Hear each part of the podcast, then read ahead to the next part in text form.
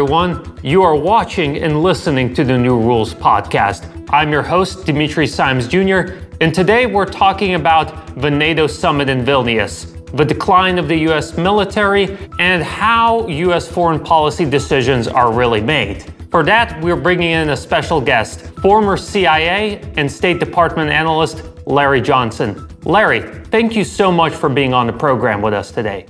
Hey, thank you for having me. And it's good to meet the son of Dimitri. I, I knew your father and was with him in several meetings at the Nixon Center. Well, it's good to finally meet you too. I want to get started with the NATO summit because that's obviously the big topic of this week. And when we look at what the Biden administration is saying, they're trying to put a triumphant spin on the current situation. Here's what Jake Sullivan said last Friday. Thanks in large part to President Biden's leadership, NATO is stronger, more energized, and more united than ever. Is he right? Is NATO stronger and better than ever before? Uh, we, we need to get a hold of his doctor and figure out what hallucinogens that are being prescribed for Jake. I mean, that is just complete nonsense. If anything, NATO is more divided and weaker now than at any point in the past.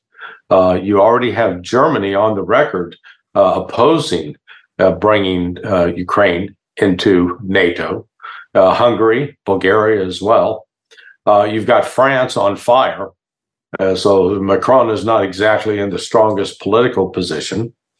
you have these tensions between Turkey and Sweden, and particularly over Sweden's role in blessing the burning of the Quran, but you can be criminalized and put in prison for uh, burning an uh, LGBTQ rainbow flag. So just complete nonsense. Plus uh, the fact that the things are not going well on the battlefield in, U- in Ukraine for the for the for NATO. You know, Larry, we've seen NATO members have serious disagreements in the past, including over Ukraine. Why should this time be any different? Maybe they're just going to have scuffle behind the scenes, but at the end of the day, everyone's going to get behind the game plan and continue sending more weapons to Ukraine, more money to Ukraine, and keep pushing for the alliance to expand further east. Well, the, the ability of NATO to influence the situation on the ground in Ukraine is becoming weaker with each passing day. And therefore, it's putting NATO in the position of having to potentially take positions and implement policies that could risk widening the war and going to, into direct conflict with Russia, which means a nuclear war. Uh, right now, the, the West is unable to supply Ukraine with the 155 millimeter uh, artillery shells that they're trying to fire every day. Uh, the, the West with does not have the industrial capability to provide those rounds in a, in the amount uh, needed to sustain operations on the Ukrainian side.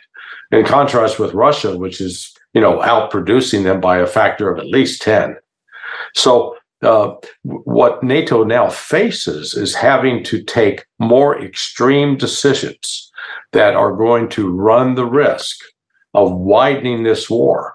Up to this point, Russia's shown remarkable restraint in not attacking NATO military facilities in places like Poland and Romania, where, if as you may uh, know, the United States has already deployed what are called Aegis uh, missile systems that are in those two locations. In addition, the United States has forward deployed uh, elements of the 82nd and 101st Airborne into both Poland and Romania. So the, the United States is giving every indication that it's, it's prepared to have a confrontation with Russia, and Russia is taking that seriously. I mean, just given their history, they have no alternative but to take it seriously. So, in a certain sense, NATO has already grasped all of the low hanging fruit in terms of military support for Ukraine. The next step is to either go big or go home. Yes, that is it. It's, it's that stark. Um, there, there are already significant number of foreign mercenaries. That's the, I guess, the uh, the term of the day to describe Americans, Brits, French, Germans, Poles that are fighting on the ground in Ukraine and they're dying. And they're dying in significant numbers now. So it, it is up to the United States to decide whether or not it's going to put its own military forces at risk. And this is not just confined to the Biden administration. That's that's the thing people around the world need to understand. This is bipartisan. There are there are as many crazy Republicans as there are crazy Democrats uh, inciting this policy, demanding that the United States do more, demanding that the United States uh, send in F-16s, which are, you know they're going to get shot down, and the pilots are either going to be killed or captured. Um, de- demanding more advanced weaponry, and because they harbor this uh, illusion of Russia that Russia is a backward state, uh, you know, not even uh, through the, out of the industrial age, that they are some sort of agrarian society with incompetent people. I mean, it's just it's it's it's frightening the level of ignorance in the United States, particularly about Russia and its technological might. I want to play devil's advocate for a moment, Larry, because when you look at what Lloyd Austin and Mark Milley are saying, they admit that the Ukrainian counteroffensive is going slowly, but they argue that this is a marathon, not a sprint. And the Ukrainians are trying to conserve lives. In the long run, they may not have any sort of loud achievement so far, but they're going to grind down Russian forces, exhaust them, and eventually make a breakthrough when it matters most. Why are they wrong? You know the expression of putting a lipstick on a pig in order to make the pig appear more attractive? Uh, they don't have enough lipstick in the world to paint this pig and make it look good. Uh, there is nothing that Ukraine has accomplished militarily that you can hang your hat on and say, boy, that was a success. Um, and, there is no single incident throughout the entire, you know, we're now going into uh, 18 months of conflict in this war that uh, Ukraine has actually gone up against an entrenched, well supplied Russian unit and forced them to retreat. Hasn't happened. Uh, the retreats from Kharkov were territorial defense uh, units, military police, essentially, that were not uh, in a position to resist, and the, the, the Russians wisely withdrew them. Uh, the withdrawal from Kherson was uh, because uh, General Surovikin recognized that you cannot keep your force on the wrong side of the river where they could be cut off from resupply. So, uh, apart from those two incidents, you have not had a single case in which uh, the Ukrainians militarily have been able to go up against the Russians and defeat them. On top of that, Ukraine's complete lack of air power. They don't have any combat air capability because whatever planes they fly towards the Russian lines, they're getting shot down because Russia has ample air defense, both mobile and fixed. Uh, Ukraine does not have its, its air defense system has been destroyed virtually uh, across the board. We, we know that, in fact, because of the leaked documents from that uh, uh, airman Jack Teixeira uh, that wound up on Discord and then were exposed. Uh, as, as far back as, as March, the, the United States uh, military planners recognized that Ukraine no longer had, and that its air defense system would be exhausted by uh, 1st of April, end of April at, at max which is why we're seeing uh, Russian helicopters flying towards the front and, and destroying one armored vehicle after another. The, the much ballyhooed counteroffensive that Ukraine was supposed to, you know, march to the Sea of Azov in, in five days. Uh, that hasn't happened. And it's not going to happen because the Ukrainians are throwing thousands of troops against forward defensive positions of the Russians, and those troops are dying and dying in mass numbers. So when when Milley and and Austin say those things, it is you know it's it's it's like someone claiming that the Easter Bunny is real or that Santa Claus is real. It's delusional. It's out of touch with reality. And I mean, it's interesting that you brought up the Pentagon Papers because I think we all remember in late March and April, they really made a big splash in the media. But at the same time, a lot of people were questioning their accuracy and saying that they were overly pessimistic about Ukrainian chances. Fast forward to July, it seems that their predictions were pretty accurate, which does beg the question did Biden and company know that the Ukrainian counteroffensive was doomed to fail? If so, why did they encourage the Ukrainians to go forward with it? Yeah, well, part, part of the problem you have, there, there's not a single person around Biden that has any kind of military experience. So they're all, you know, political scientists, academics, uh, political hacks. Um, the, the people in the Pentagon, though, uh, Mark Milley and Lloyd Austin, they damn well knew there was no way for them not to know. But but part of what's going on, and I, have heard this from friends who are still active uh, in military intelligence and still on the job, uh, there has been a remarkable transformation among the officer corps. Uh, one one friend described it to me. He said out of out of nine junior officers under him, he said seven of them were woke ideological leftists. They were they were so enamored uh, of these of these kinds of you know LGBTQ transgender policies that that they're really drinking the Kool Aid and they're not doing critical thinking. The critical thinkers would understand from the outset if as long as you weren't being driven by a political uh, bias that there was no way for Ukraine to have any kind of success on the ground from a military offensive because they do not have mobile artillery. They don't have mobile air defense. They don't have uh, combat uh, air in terms of both fixed wing and rotary wing helicopter. I, I mean, you know, you can have the best information intelligence being fed to you about where the Russians are located. Hey, that's great.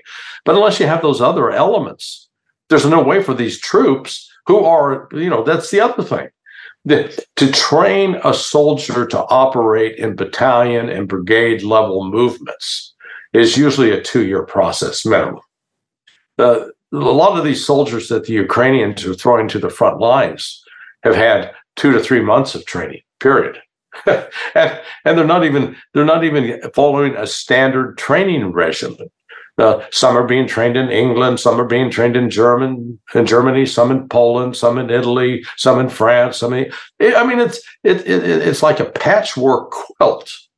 And and there's a reason in the military they use that term uniform. Uniform design is to, to describe something that everybody's doing the same way.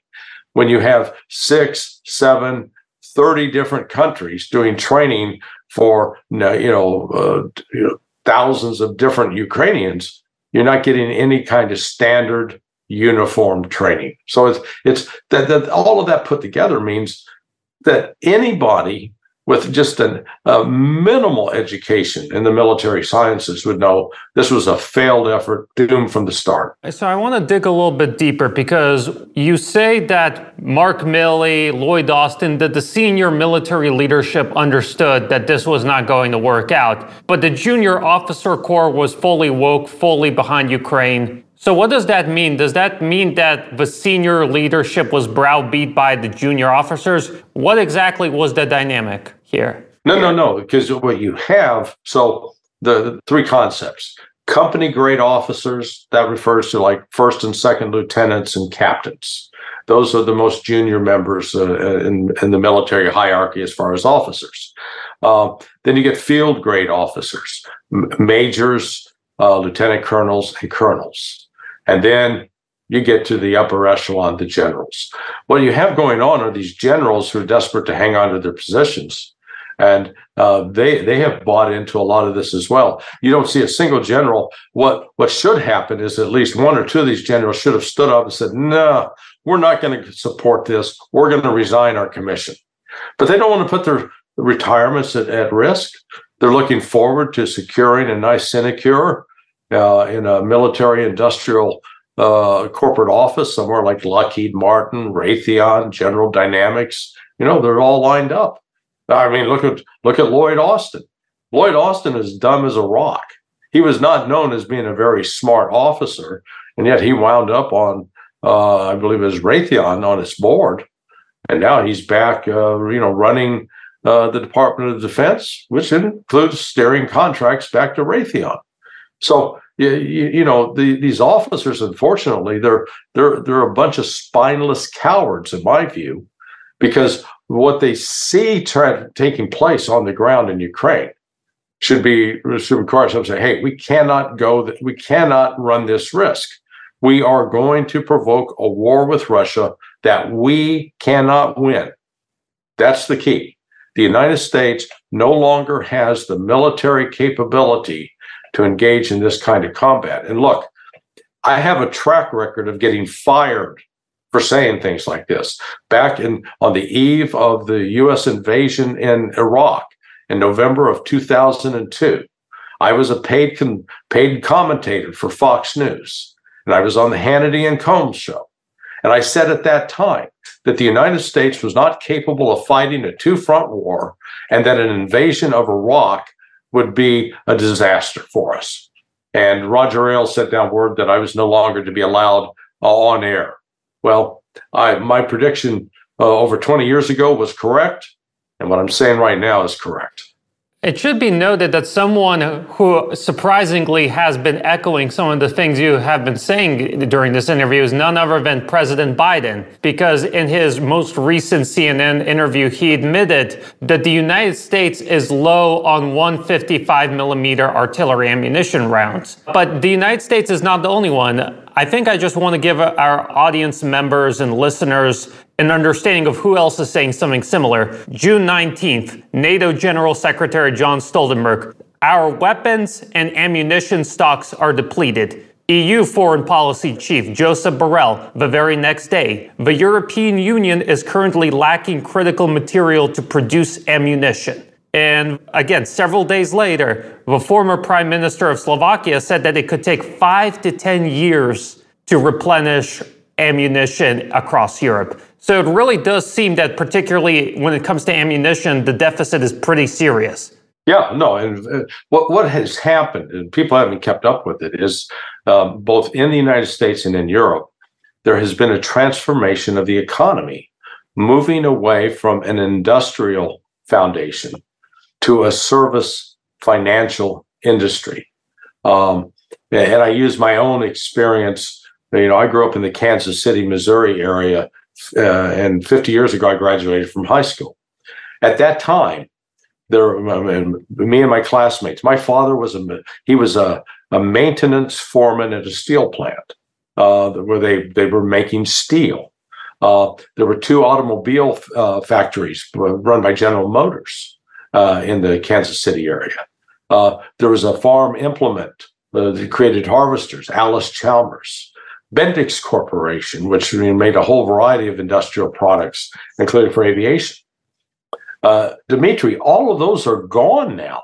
They don't exist. They're no longer there. So those those provided both jobs for for people that that did not have a college education, but they can make a very good income and support their families and enjoy a level uh, of comfort in life. That that's history.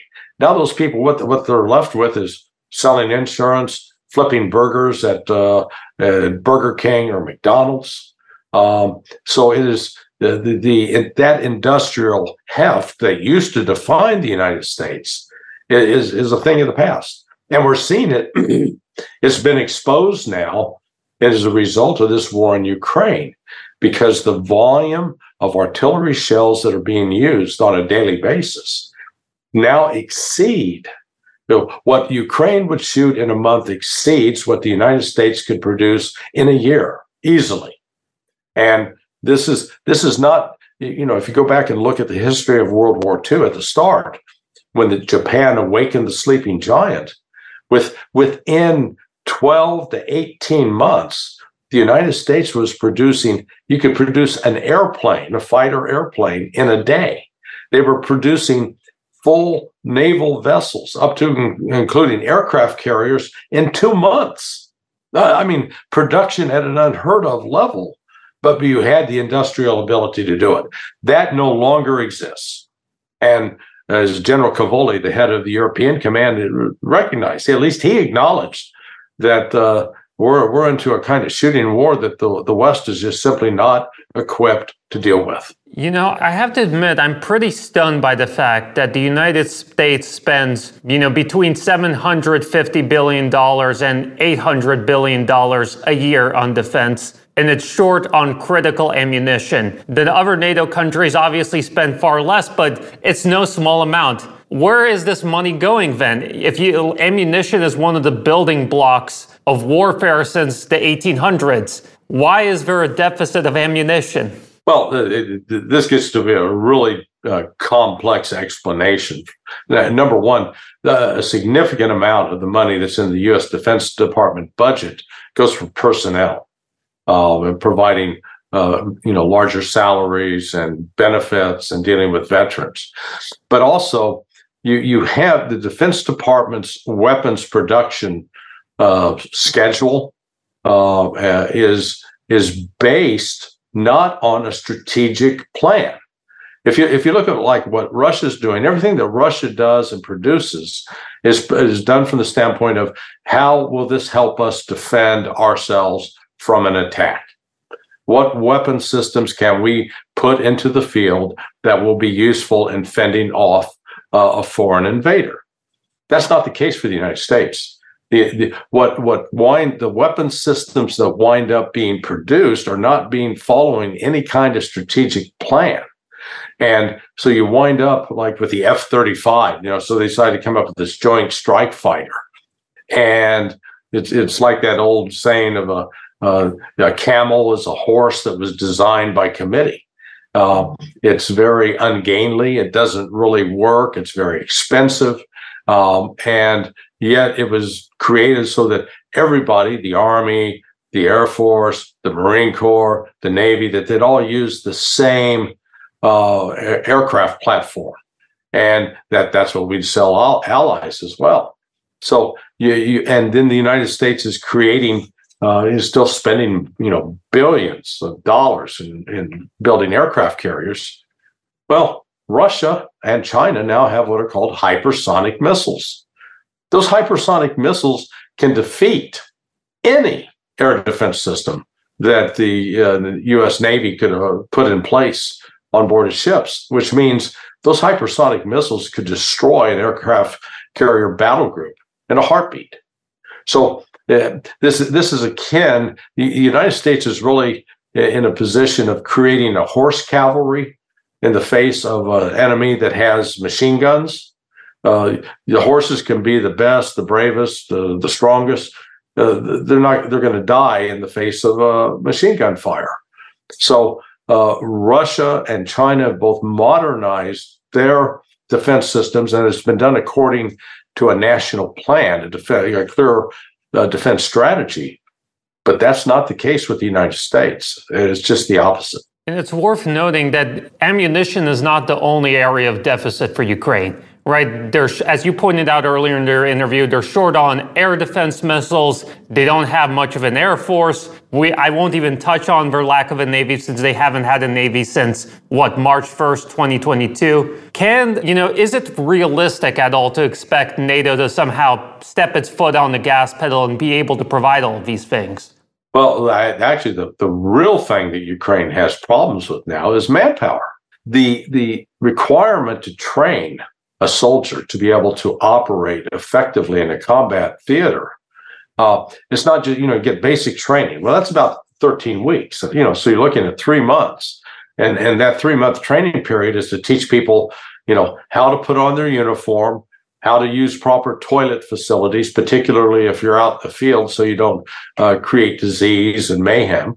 Uh, how to march in formation, how to fire uh, and and handle a, a, firearm like a rifle. And most of them are rifles. Few get very few get pistols, and so that just gives you the basics.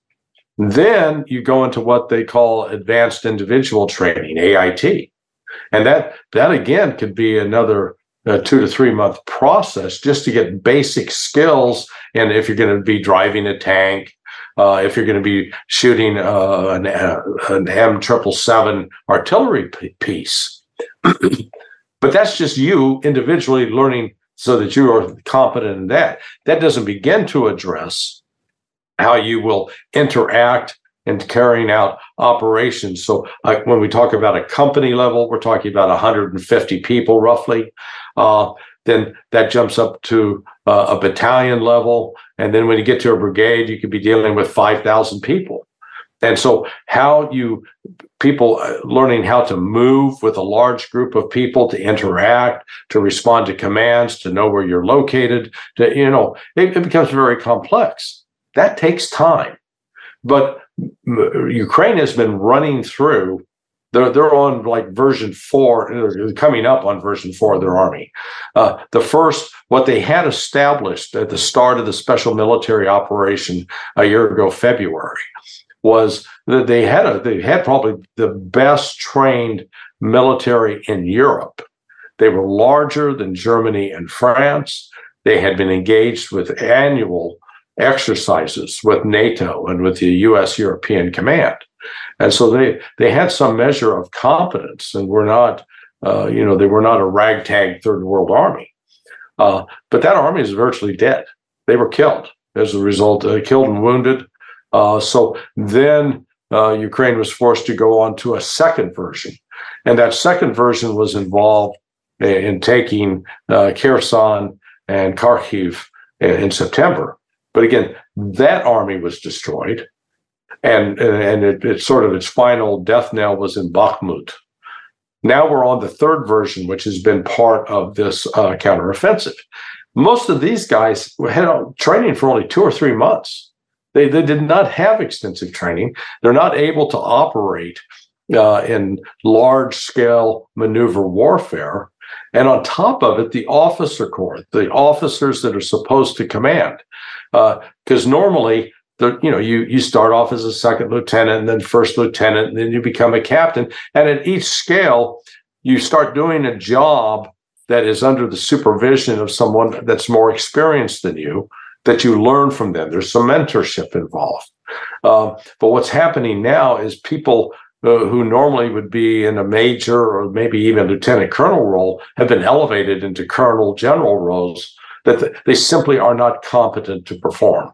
That is the real weakness of Ukraine right now. They don't have the manpower, trained manpower that they need in order to uh, create a, a credible threat that can force Russia out of Ukraine. I want to remind our audience members that you are watching and listening to the New Rules podcast. I'm your host, Dimitri Simes Jr., and our guest today is Larry Johnson, former CIA and State Department analyst. Larry, one of the central themes of our conversation so far is that the United States has done all of the easy, low picking fruit when it comes to support for Ukraine, and they must either go big or go home. So, what do you think uh, they're going to do? Will Biden pull the trigger or will he back down? I've, in my writings at sonar21.com, I've frequently referred to an old Saturday Night Live skit that uh, uh, that skit featured um, uh, the, the they did a they were pretending that this band had to have more cowbell you know, Christopher Walken was the, the guest star, and every time the band started playing the, the Blue Oyster, Oyster Cult playing a song, he'd come out and say, "No, that's good, but we need more cowbell."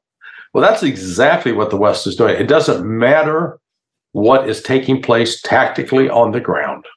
The West, like a degenerate gambler, keeps doubling down, keeps placing bets, even though they've run out of money, they're running out of, and literally running out of ammunition running out of manpower as far as the Ukrainians are concerned. Uh, so there's no, I, I, see no sign yet that the United States is willing to back off and, and change its course of action.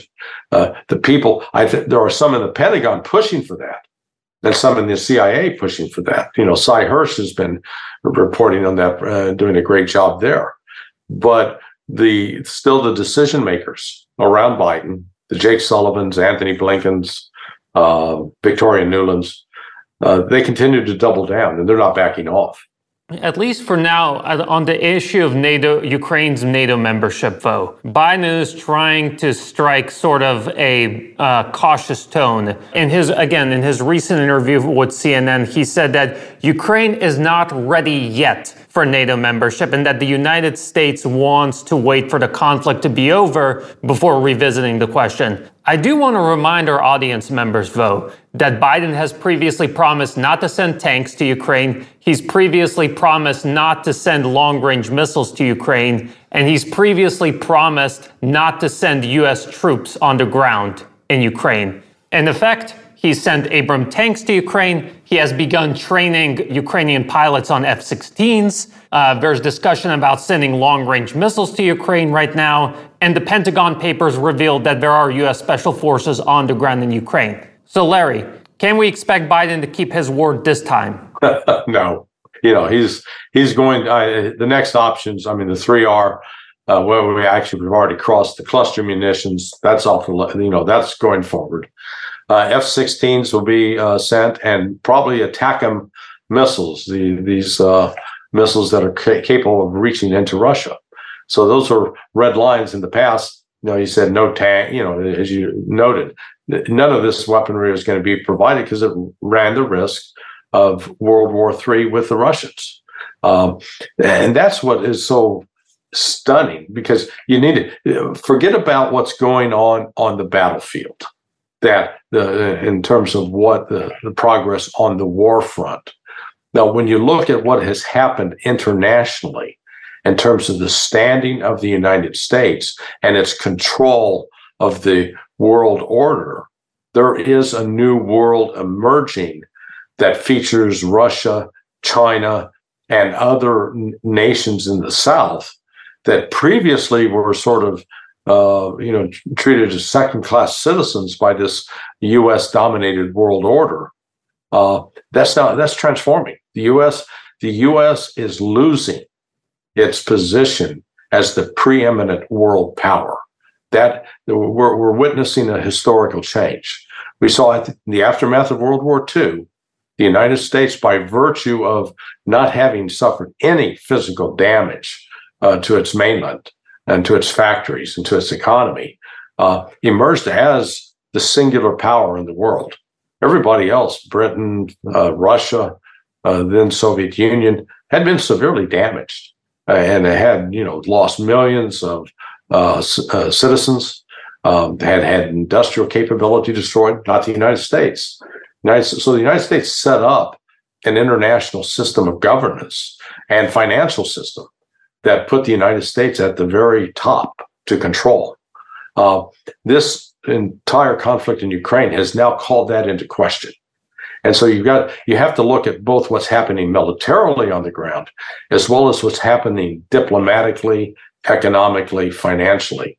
Uh, we are witnessing the emergence of a new international order, and it's not fully defined yet, but it is what it's going to mean is the United States will no longer be the preeminent dominant power. You say that the United States is likely to risk dangerous escalation than backing down, at least initially. What what could how could this dangerous escalation look like? What sort of steps do you expect from the United States if the Ukrainian counteroffensive continues to falter, and especially if Russia manages to reverse momentum and go on the offensive itself? If the United States introduces ATACMS missiles or introduces the F 16s, brings them into theater, uh, into, say, Poland or Romania, uh, I think Russia would have no alternative but to attack those sites in Poland and Romania because the F 16 is capable of carrying a nuclear weapon. And Russia cannot afford the, the, the, promises or assurances of the United States that those planes are not going to be carrying that. Similarly, the, the Aegis battery systems that are in place in Romania and Poland, they also are capable of firing uh, a nuclear warhead. So uh, at, some point, Russia uh, may feel that it's going to have to take preemptive action to destroy those facilities in order to protect itself, uh, because the the launch time from something fired off in Poland or Romania is fairly fairly short, and Uh, but the, there's also a, a miscalculation by the United States. The United States continues to believe, and you hear politicians say this all the time, we've got the greatest military in the world. We have we have the number one military in the world.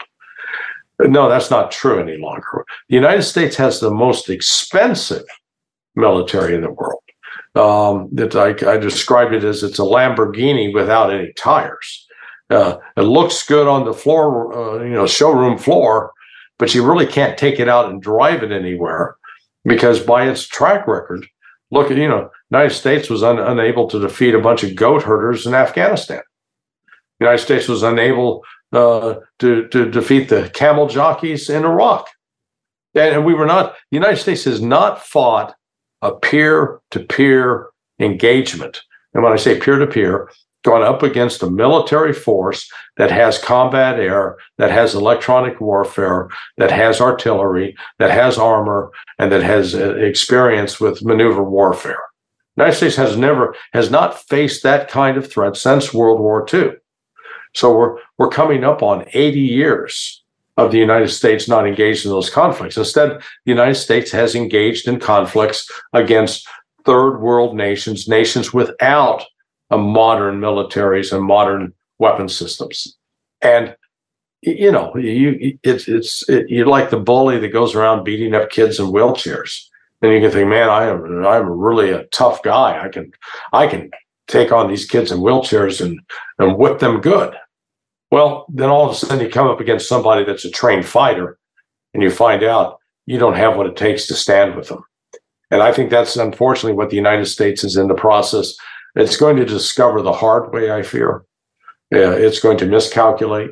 It's going to push Russia into a corner where Russia will be forced to react.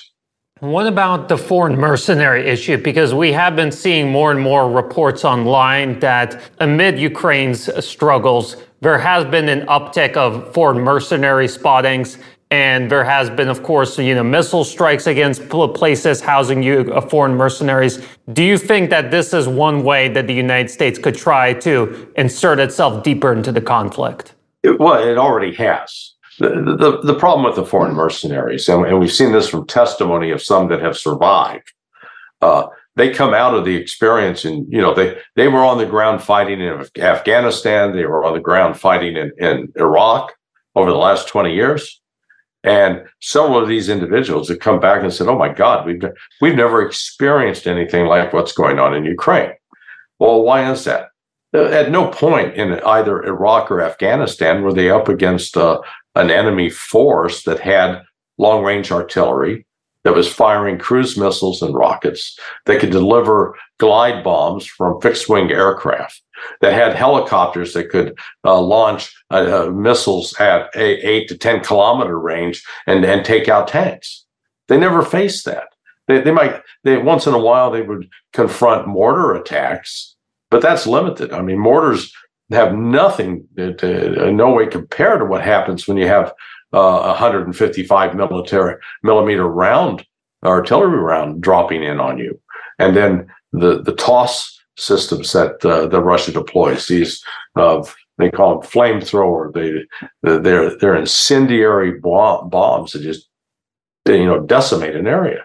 So uh, the the mercenaries uh, have you know they're they're discovering sort of to their own dismay that they are not equipped or prepared to confront what this modern war is, and I, I think you know the one thing that does concern me is that at some point, as the situation in Ukraine grows more desperate from the standpoint of NATO being able to sustain its forces, uh, that the United States may try to insert its own uh, conventional army uh, units into the battle. If, if that happens, the one they're going to get wiped out. Uh, two, again, it's going to raise the risk of this escalating into a nuclear conflict. Not that Russia would initiate it, but that the United States, in desperation, is not going to have any other cards to play. That's that's the real concern here. That the United States has convinced itself that it has a lot more capability than it really does. I guess the natural question is why would the United States and Biden risk so much over Ukraine? Because if you look from the big picture, right, Ukraine doesn't provide any sort of tangible strategic benefit to the United States. It's a poor, dysfunctional country in Eastern Europe. There really, it has, it's hard to think of any sort of way that America's national security or prosperity depends on Ukraine. Why would Biden be willing to risk humanity over Ukraine? Well, recognize that Ukraine, in terms of natural resources, would be in the top five of all countries in the world in terms of a lot of critical uh, minerals, rare earth uh, minerals that uh, the world needs. And this also explains why the United States and, and much of Europe is intent on trying to destroy and dismantle Russia. Russia is the number one country in the world in terms of these natural resources. Russia is the only country that I'm aware of, a particularly modern industrial company country that can sustain itself. It's self-sufficient. It does not need imports from the West, imports from China, in order to produce everything that it needs in order to feed its people and to produce modern electronic uh, industrial items. Uh, there's no other country that has that. And when you consider how vast uh, Russia is, you know, covering uh, what 11 time zones, uh, it is uh, the the scale of Russia as a country, as a physical presence, is enormous. It's it's its dominance with oil, with uranium, with gold, with fertilizer, um, across the board uh, the world actually needs what Russia has, and and and I think the West has you know really had its eyes on trying to carve Russia up. That that's with the collapse of the Soviet Union in 1990-91. Uh, Western capitalists rushed into Russia to basically rape the country, and uh, they're upset with Vladimir Putin because Vladimir Putin has stopped the rape of Russia. It's that simple. And uh, to that end, the, the West is still convinced itself that somehow, if it can just get rid of Putin, it can get back to its ravenous ways of uh, depleting the resources of Russia and using it all for the benefit and enjoyment of the West. And that's, you know, th- that's why I think this conflict ultimately boils down to. It's about wealth. I want to remind our audience members that you are watching and listening to the New Rules podcast. I'm your host, Dimitri Simes Jr., and our guest today is former CIA and State Department analyst Larry Johnson. Larry, We've had a lot of uncomfortable things to say about the US military today. You've noted that Lloyd Austin is dumb as rocks, that the senior officer corps are spineless cowards, that they weren't able to beat camel jockeys in Iraq and Afghanistan. And you've also mentioned that the younger generation of officers are all woke. How did things get so bad in the US military? How did one of the most respected and accomplished militaries in the world after World War II turn into this? Uh, it's a combination of factors. There's no one single culprit, but I, a lot of it started with Bill Clinton when they moved to the don't ask, don't tell policy to try to um, include homosexuality as an okay thing in the military. Um, you know, the, the, la- the last thing you want to, to promote is, is that kind of activity because it is not good for general order, discipline, and morale.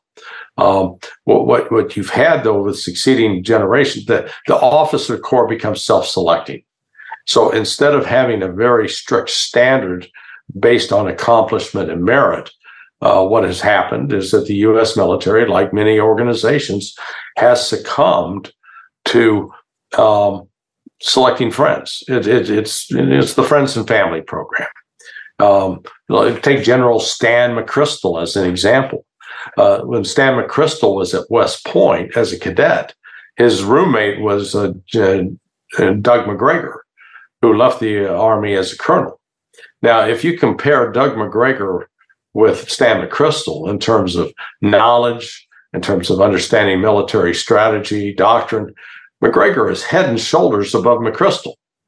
But McChrystal had one advantage Macgregor didn't have. McChrystal had a daddy that was a general. So, you know, this this is uh, the United States often has made fun and ridiculed and criticized other countries for uh, nepotism and uh, corruption.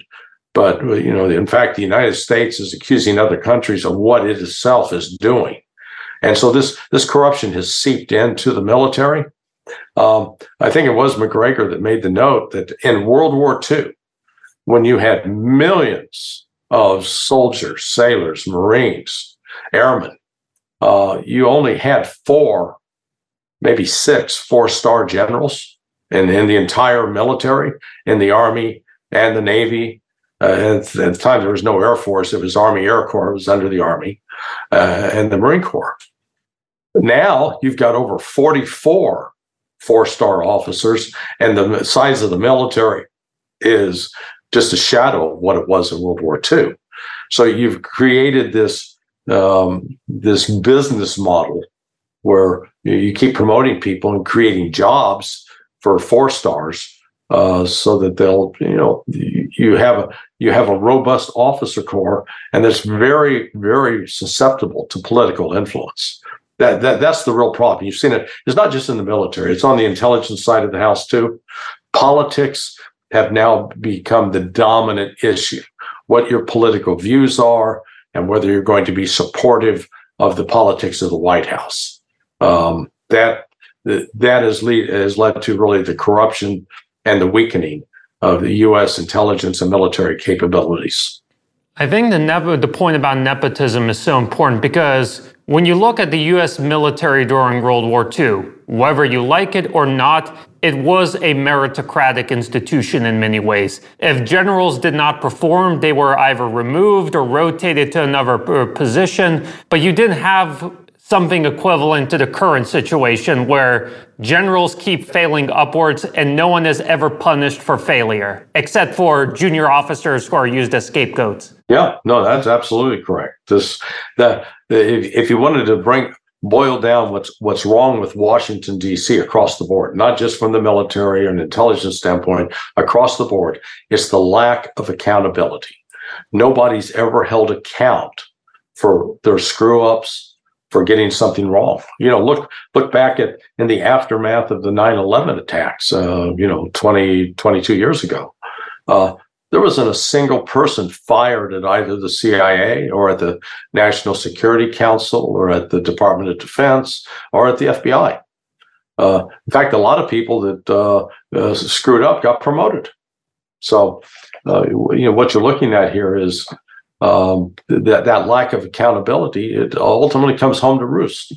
But it also seems that even good people can be corrupted by Washington because I remember current CIA Director William Burns when he was US Ambassador to Russia. I didn't know him particularly well, but I met him once at a think tank event, and he was smart, well spoken, and balanced. Fast forward, you know, more than a decade, I think, and I see his most recent speech that he gave while traveling to the United Kingdom, where he gave this uh, sort of bizarre account of how the CIA tried to set up a Telegram account in Russia and how it was a big success. I'm located in Moscow right now, and this whole CIA Telegram debacle became a widespread meme. And just like if you, you can just go on that the Telegram account page and you see there's nothing but poop emojis, clown face emojis. So I, I, don't understand how he came to the conclusion that this was a success. Maybe he didn't actually look at the page. Someone sent him a report saying that everything was fine. But I mean, it does beg the question how does a smart person like William Burns become what he is today? Yeah, there, there, there's no explanation for it other than uh, j- just being a, a craven climber.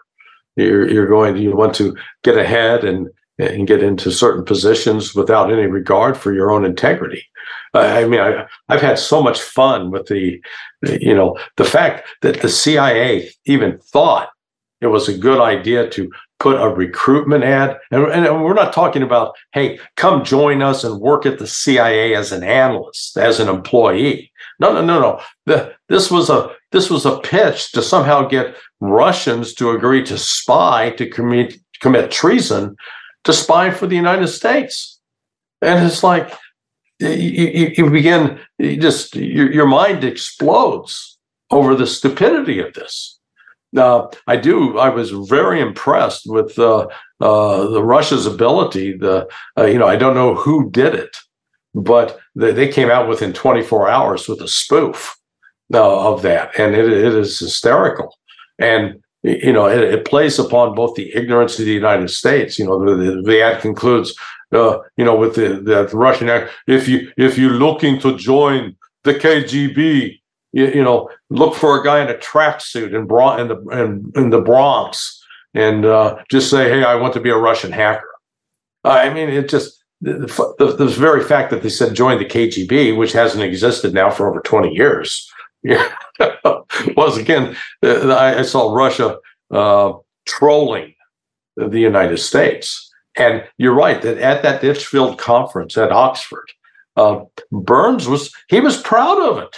I mean, that's what was I found so amazing that either, as you said, he he hasn't really watched it, or he knows he's betraying his complete ignorance about how you go about uh, you know recruiting people to spy for you. Uh, and and he was saying that now is the best time ever for the United States to recruit Russians to spy for the United States. And again, that shows how out of touch with reality he is because the, uh, you know, I'm old enough to remember the Cold War. And, and back in the 70s um, and even in the 60s, the United States could pretend to offer the Soviet people, Soviet officers in, in the military and, and in the intelligence services, an alternative because we had a more free, a more open society. We had a richer society in terms of uh, physical goods. We had freedom of expression. There was, you know, there there was this concept of the actual First Amendment. You know, so if from a CIA officer standpoint, you had a, an ability to pitch somebody on the Soviet side to say, "Hey, come work for us," and in doing that, you're asking these people to betray their country. Well, what's going on now? I mean, the United States is a veritable freak show. Yeah. It's it's promoting transgenderism. It's promoting rampant homosexuality. Pedophilia is being protected in some sectors, uh, and and so you've got to you got to look at any sane, rational uh, man or woman in Russia that is uh, connected in any way with the intelligence services or the military. What there, what is the appeal to join the United States? Plus, the United States now has more political prisoners than Russia has. Yeah. The United States has more oppression of free speech. You know, what's remarkable is the group of us that have been critics of the war in Ukraine, none of us, from Scott Ritter, Doug Macgregor, Ray McGovern, uh, myself, Phil Giraldi, uh, Daniel Davis, none of us are allowed on any kind of you know accepted media platform that's part of the mainstream uh, and there's a real clampdown on information to try to control what people say and by contrast you know i every time i've ever appeared on rt as an example uh, I've never been asked in advance what I'm going to say. I've never been given questions in advance to figure out what my point of view is. They let me come on and express my views. And at times I've been critical of uh, of Russia and, and Russia's political decisions. That, but there's, there's a real stark contrast with what's happened with CNN, BBC, MSNBC, all, all the TV stations. They would always call me up first one to find out, do the pre-interview. And if they didn't like what I was saying, I wouldn't go on air. They wouldn't let me on air. I want to remind our audience members that you are watching and listening to the New Rules podcast. I'm your host, Dimitri Simes Jr., and our guest, former CIA and State Department analyst Larry Johnson. Larry, it's been really great talking to you, and I think we were able to cover the whole gamut. Where can our readers go to keep up with your work? I write at sonar, S O N A R 21.com. Uh, that's the, the, my primary blog. I try to put a piece out every night, just uh, as I, it's my take on what I see uh, transpiring in the world. And if you want to keep up with the New Rules podcast, the very first thing you should do is click subscribe, first of all, to our Rumble channel. But we also have other platforms. We have a website, we have Twitter, we have Telegram. All of that will, the links to all of that will be in the description below. Till next time, thank you.